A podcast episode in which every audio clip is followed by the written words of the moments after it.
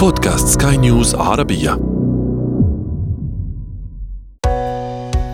حياتنا.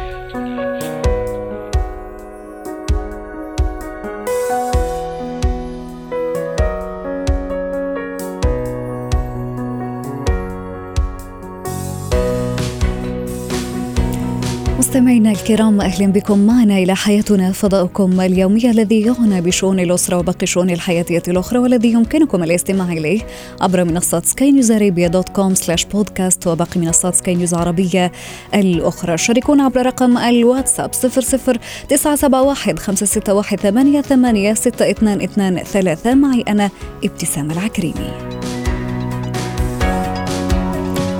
نتحدث اليوم عن كيفية توزيع المهام المنزلية وتقاسمها بين الشريكين وعن تأثير ذلك على ديمومة العلاقة الزوجية، أيضا عن عسر القراءة لدى الطفل و كيف نساعد الطفل على تجاوز هذا الأمر وعن إتيكيت التعامل مع المدخن الذي يزعجني.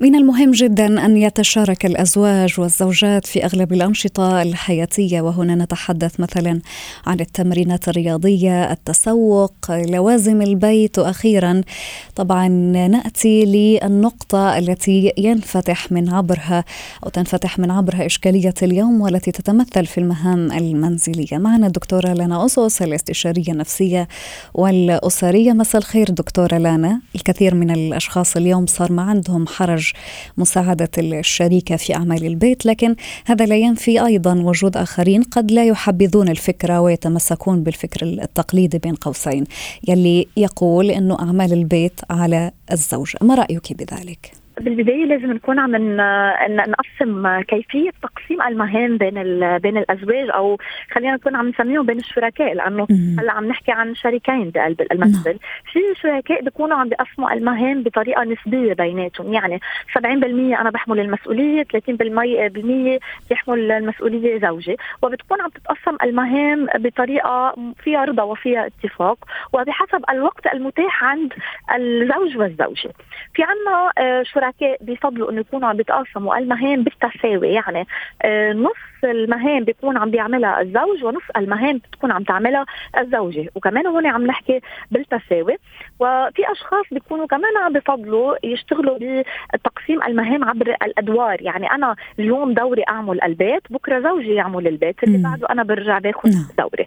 فبهدول الثلاث آه، طرق كثير مهم إنه يكون في اتفاق. هيدا أهم شيء ما أنا أعمل أدوار آه، أو مهام منزلية أنا مضايقة مني أنا مضايقة منها وزوجي مش عم بيساعدني أو مش متفقة أنا وياه علنا على تقسيم المهام.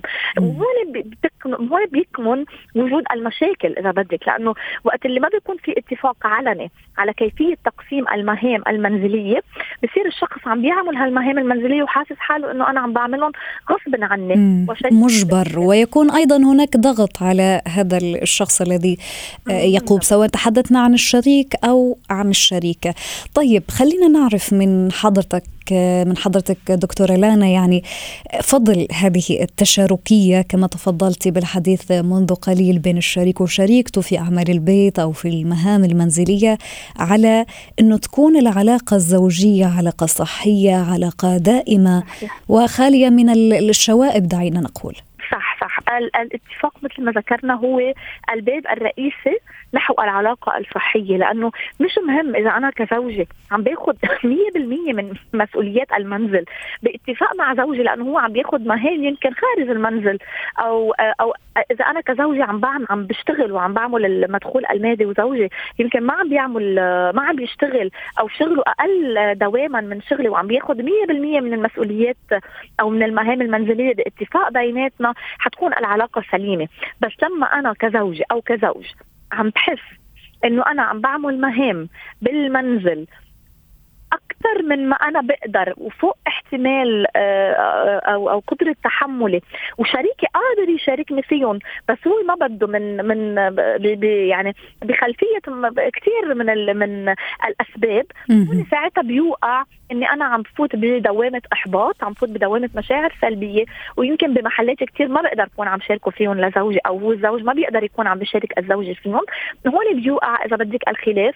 أو نعم. بتوقع الانقسام وبتصير العلاقة عم بتروح على علاقة سامة لأنه ما عم بيكون في تعبير مباشر ما عم بيكون في تواصل مباشر ما عم ينحكى بين الشريك والشريكة بالأمور بشكل واضح وصريح. فبالتالي كل حدا من الشريكين بصير عم بيعبي بقلبه وعم عم بيحط غضب آه، وعم بيعمل الأمور بتقل وما عم بي ما عم بيحلوا المشكلة بجوهرها الحقيقة.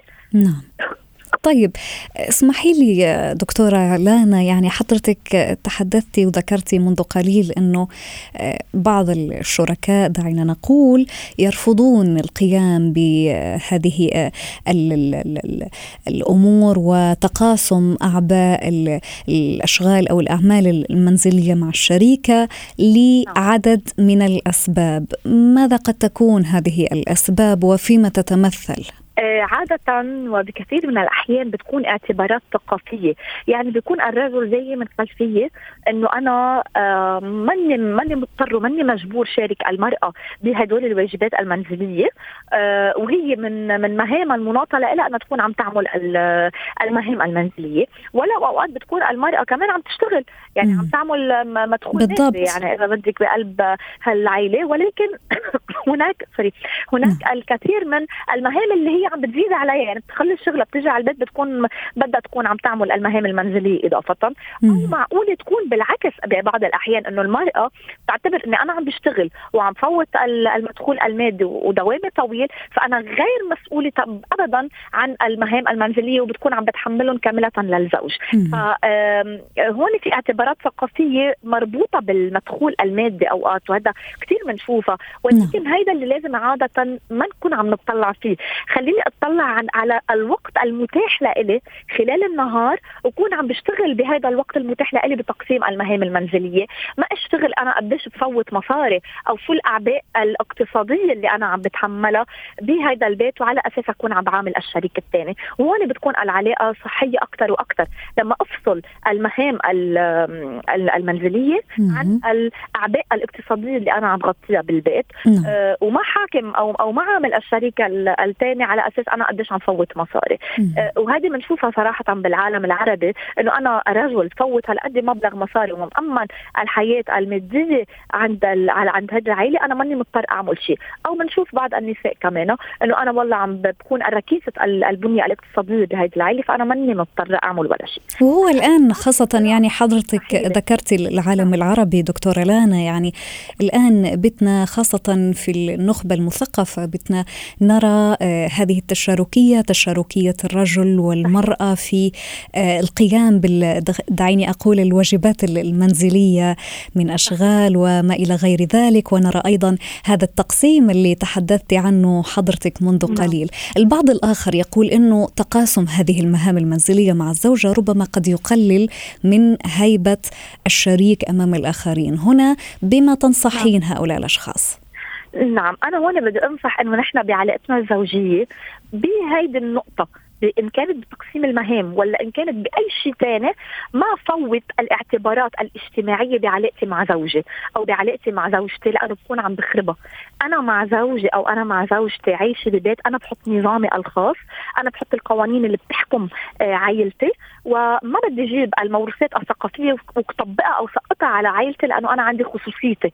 وخصوصيتي واللي بتخلي علاقتي بعائلتي والعلاقة بشكل عام هي علاقة سليمة فيها الحب وفيها الأمان وفيها التضامن وفيها الشراكة فكثير مهم إني أنا أدرب حالي إني ما أكون عم فوت الاعتبارات الاجتماعية والموروثات الثقافية بقلب نعم. عائلتي وكنت بدي أعطي اقتراح ثاني أنا إذا كزوج أو كزوجة نحن كثير كثير محلات ما عم نقدر ولا ما عم نفضى ولا عنا ما عنا وقت فراغ نقدر نكون عم نركز على المهام المنزلية ما نعم. غلط نكون عم نستعين بشخص يقدر يساعدنا بالمهام المنزلية يخفف عنا هذا الضغط لنقدر نعمل نعمل أمور ثانية آه، تخلينا نكون مرتاحين بعلاقتنا ونكون مرتاحين نعطي الجودة الوقت لعائلتي ولا أولادي ولا زوجي أو لزوجتي نعم. كثير مهم إذا أنا بحاسة حالي مضغوطة بوقت يكون عم بستعين بشخص يكون عم بيساعدني بقلب المهام المنزليه معينه منزلية مثلا. وضحت الفكرة. شكرا جزيلا لك دكتورة لنا أصوص الاستشارية النفسية والأسرية ويعطيك ألف عافية.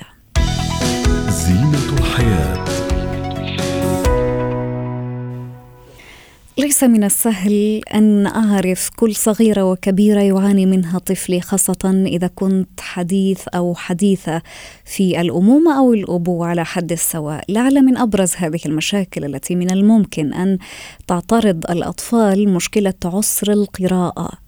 عسر القراءة. هذا إشكالية يعني كبيرة. طرحنا آه، فيما يخصها سؤالنا التفاعلي. ماذا تعرف عن عسر القراءة لدى الطفل؟ وهل حاولت أن تساعده على تخطيه؟ ورحبوا معي مستمعينا الكرام بأستاذة همسة يونس الخبيرة النفسية والتربوية. يسعد أوقاتك أستاذة همسة. إذا هذا هو سؤالنا التفاعلي وتعليقات كثيرة وصلتنا عبر منصات سكاي نيوز عربية تعليق يقول أعتقد أنه السبب قد يكون قلة اهتمام اهتمام الآباء بتعليم أطفالهم النطق الصحيح منذ البداية. وتعليق آخر يقول عانيت من هذه المشكلة والموضوع كان مش سهل إنه يتخطاه. أهلا وسهلا بك معنا أستاذة همسة. خلينا نعرف من حضرتك بالأساس ما معنى هذا ال ال الأمر؟ ما هو عسر القراءة لدى الطفل؟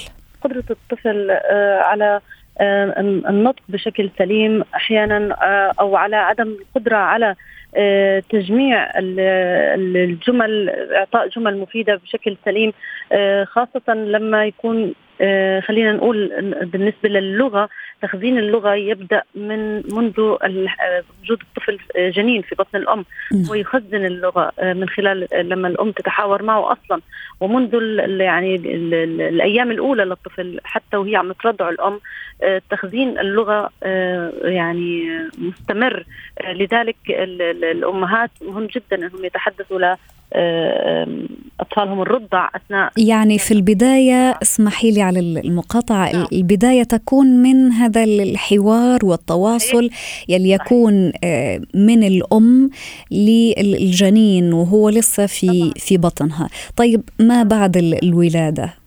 ما بعد الولادة مثل ما قلت لك أثناء الرضاعة مهم جدا أن تتحدث الأم لطفلها أن لا تمارس آه، يعني فعل الرضاعة بس آه، كنوع من أنواع التغذية فقط لأنه آه، آه، هذا الوقت يقوم الطفل فيه بتخزين ما آه، يعطى له وبالتالي هذه الذاكرة اللغوية عند الطفل تبدأ نعم. من هذه المرحلة ليش؟ لأنه الطفل لاحظ بيخزن المخزون اللغوي يحتاج إلى ست شهور وهو يخزن المخزون اللغوي ثم يستخدمه لاحقا. يعني فترة الست شهور اللي بيخزن فيها اللغة نعم. يبدأ باستخدام ما خزنه بعده بست شهور. فإحنا لو يعني بقينا مثلا هاي الست شهور الأولى ما فيش حوار حقيقي مع الطفل ما فيش مفردات لغوية تقدم للطفل. إذا مخزونه حيكون ضعيف. وبالتالي كل ما نمى الطفل إذا كان هناك قصور في هذا المخزون سيكون نعم. هناك قصور في قدرته على استخدام هذا المخزون في القراءة. وهذا يعني جزء من الأجزاء اللي قد تساهم في عسر القراءة. أيضا عدم إسراع الأهل في اكتشاف المشكلة. يعني أنا لما يجيني طفل عمره ثلاث سنوات وعنده مشكلة في النطق ألاحظ ذلك لما أتحدث مع الأهل بقول لك لا ما أبوه كان عنده تأخر في النطق فمش مشكلة هو حيمشي الموضوع يعني ننتظر آه، يكبر وتمشي أموره. وربما التأخر في اكتشاف المشكلة يساهم في تفاقمها لاحقا. ربما إحنا لو سارعنا في اكتشاف يعني من الأول لازم إنه آه. نسعى لأنه نحل هذه المعضلة لدى الطفل إذا لاحظنا إنه يعاني من عسر القراءة. نعم هل في سبب عضوي؟ هل هو أحيانا قد يكون السبب بيئي محيط في البيئة المحيطة آه، سبب نفسي. آه، ربما البيئة غير آه، محفزة ربما في إحباطات لدى الطفل ربما في يعني عدم, عدم تشجيع لهذا الطفل إنه نعم. شعوره بعدم إنه هو المهارة إحساسه بأنه ما عنده إني أنا المهارة في إني أنا أقرأ. أحيانا أيضا في حالة من الحالات يعني اللي جتني من الأطفال إنه يعني كان يعاني من عسر القراءة ويحاولوا يعطوه دروس تقوية دروس تقوية لكن ما كانوش مكتشفين إنه عنده فعلا الديسلكسيا اللي هم يعني هذه العسر القراءة كان نوع من النوع هذا اللي عند الطفل إنه هو يرى الحروف تتحرك يعني هو الحروف غير ثابتة أمامه. لما ينظر إليها الحروف غير ثابتة أمامه لما تم تقييمه. فكان آه، بحاجة لاحظي بحاجة إلى شفافيات معينة آه، توضع آه، تحت صفحات الكتاب بحيث إنه هذه الشفافيات تغير من لون الكتابة وتساعد تساعد الطفل على قراءة الكلمات بحيث يراها ثابتة. ثابتة و... نعم. و... نعم يراها كان كان يراها تتحرك. فلاحظي يعني والطفل كان يعاني وانه إنه هو مستواه قليل وإنه دروس تقوية. لكن الأم في النهاية يعني كانت واعية بأنها أخذته لما مركز صعوبات تعلم واكتشفوا هاي المشكلة. وعالجوها يعني. طيب هذه إحدى الحلول. معينة شفافيات معينة. آه نعم. نعم هذه إحدى الحلول أستاذة همسه ما بقية الحلول التي إذا أردنا مثلا مساعدة الطفل على تجاوز آه، معضله عسر للقراءة من أين نبدأ؟ نعم. أول شيء مثل ما قلت لك نكتشف هل هناك مشكلة عضوية فعلا عند الطفل ولا لا. هل في نعم. صعوبات تعلم؟ هل في مشكلة عنده؟ ممكن تكون مشكلة في النطق، لازم أراجع أخصائي تخاطب، هل في عنده مشكلة في في في, في جهاز النطق عنده إنه هو لا يستطيع أن ينطق هل عنده نعم. مشكلة في السمع؟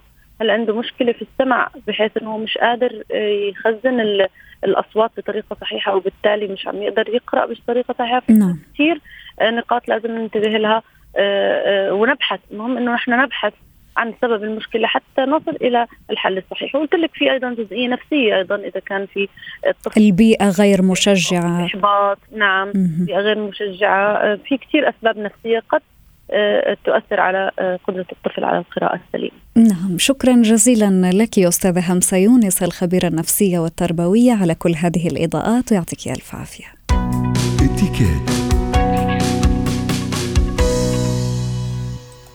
شخص يدخن جنبي أو حتى في مكان ثاني ويأتي من حولي. هذا الأمر يشعرني بانزعاج كبير من الرائحة رائحة التدخين التي تعلق في المدخنين في ثيابهم. وقد أكون لدي مثلا حساسية أو لا أتحمل هذه الرائحة رغم أنه هذا المدخن يعلم أن الأمر مزعج للآخرين يتفانى ولا يتوانى في الاستمرار بهذا الإزعاج عبر التدخين. رحبوا معي مستمعينا الكرام بالأستاذة مارلين سلهب خبيرة الاتيكيت مساء الخير أستاذة مارلين أنا مزعوجة من المدخنين يلي حواليا لأنه الريحة على طول موجودة وقبل هذا كله أنا قد أكون شخص لا يتحمل التدخين. هنا ما الاتيكيت التي لابد أن يعلمها هذا المدخن وكيف علي أيضا أن أتعامل معه في إطار الاتيكيت؟ ما في شك إنه بهيك ظرف أوقات كثير نحن بننجبر لأنه في أشخاص بتبقى أكبر منا بالعمر. وأم مثلا كثير ناس منا ما بنعرفهم كثير منيح. ما بنعود نعرف كيف بدنا نتعامل مع هالأشخاص. نعم. بس بصراحة الاتيكيت هي منا إنه أنا مجبرة يعني لأنه التهذيب أكيد مجبرة بالتهذيب بس قواعدها منا ثابتة. يعني أنا إذا عندي حساسية ما في آه، ما في طريقة غير نبرة صوتي اللي بتخلي الأشخاص اللي معي واللي أنا متضايقة من وجود آه، أشخاص عم بدخنوا بنبرة صوتي أنا ممكن استأذن منهم وأطلب منهم إنه أنا عندي حساسية. إذا سمحت هلأ هون تجي المبادرة من هالشخص. يا إما يطفي هالسيجارة اللي حملها يا إما ينتقل على محل ثاني بس صراحة صراحة الأشخاص مش دايما بتحس مع الأشخاص الثانيين وبتقول لك هلأ مش مشكلة بس تقطع سيجارة. هون نحن بدنا نكون كتير صارمين. يعني ما بدي فوت بكلام كتير وأعطي أعذار كتير للشخص أبدا. بعتذر منك ما بتحمل ريحة الدخان. عندي حساسية نقطة. يعني ما منفوت نحن بجدل مع الشخص ليوصل لمرحلة ممكن يقول شيء يزعجني. أم نعم. أنا أقول شيء كمان يكون ما بيليق فيه صراحة هيدي الطريقة الوحيدة لأنه هو مفروض هالشخص يعرف شو كيف يلتزم قواعد الاتيكيت. مثلا إنه إذا في ناس موجودين وما استأذن منهم ما في يدخن. إذا في أطفال إذا قاعدين بمحل عجقه إذا في محل مسكر هول كلهم هالمحلات إحنا مش مجبورين ابدا إنه آه، آه، نتحمل وقت اللي نحن بنكون عنا يمكن انزعاج معين. غير الروايح. ناس مثل ما حضرتك قلتي عندها حساسية بتتضايق وخصوصا إذا في أطفال صغار في مراهقين. يعني نحن مجبورين نكون بس في نبرة صوت طريقة الكلام اللي بتخلينا تخلي الأشخاص ما ينزعجوا منا. إذا كان هذا الشخص مثلا آه، آه، أقصد المدخن إذا كان مثلا أحد أفراد العائلة صديق شخص نعم. مقرب كيف علي أني أحاول أقنعه بأنه يقلع عن التدخين؟ ولكن بأسلوب وبإتيكيت وبطريقة لينة دعيني أقول. آه، شوفي هي إذا واحد بده يفهم المدخن صدقيني هو إدمان. إدمان مثل مثل كثير إشياء. مشان هيك نحن ما فينا نيجي نقول له للمدخن إنه هيدا بضر صحتك. هو بيعرف إنه هالشيء بضر. مشان هيك بطريقة تفاهم نحن معه يعني نحن بدنا نحكي معه. بدنا نوصل لا يمكن إذا ما وقف قدامنا ما يدخن. لأنه صدقيني بالطريقة اللطيفة بالشكل اللي ممكن نحن نتحدث معه فيه نعم. ممكن هو يخفف كثير من الدخان بس نعم. بال بالقساوة بطريقة قلة التهذيب خصوصا لما بيكون شخص نحن عايشين معه ما نعم. حيوقف بالعكس بيعمل حاله ولا فرقانة معه ما في غير مثل ما حضرتك قلتي بالطريقة بالاتيكيت بالشكل اللي مفروض أنا أحكي معه إنه هلا هالشي عم بيزعجني أنا شخصيا. مش أحكي عن صحته. قبل ما أحكي عن صحته لأنه المدخن بيعرف إنه صحته آه، رح تتأذى من الدخان. بس بحب إنه الناس تشاركوا إنه أنا مزعوجة شوي. عم بحس إني أنا كثير مضطرة. لو منجرب نخفف هالدخان إذا مش قادر توقفوا مثلا. هلأ كلهم بيحكوا مثلا من نعم. السيجاره الإلكترونيك. بس نعم. السيجاره الإلكترونيك أيضا لها مضار يعني. نعم. يعني نعم. بدي لاقي طريقة للحديث مثل ما حضرتك بالضبط. أكثر من إنه وبالاتيكيت طبعا في إطار الاتيكيت. شكرا جزيلا لك يا أستاذة مارلين سلهب خبيرة الاتيكيت. ختام هذه الحلقة من حياتنا. شكرا لكم على طيب الإصغاء.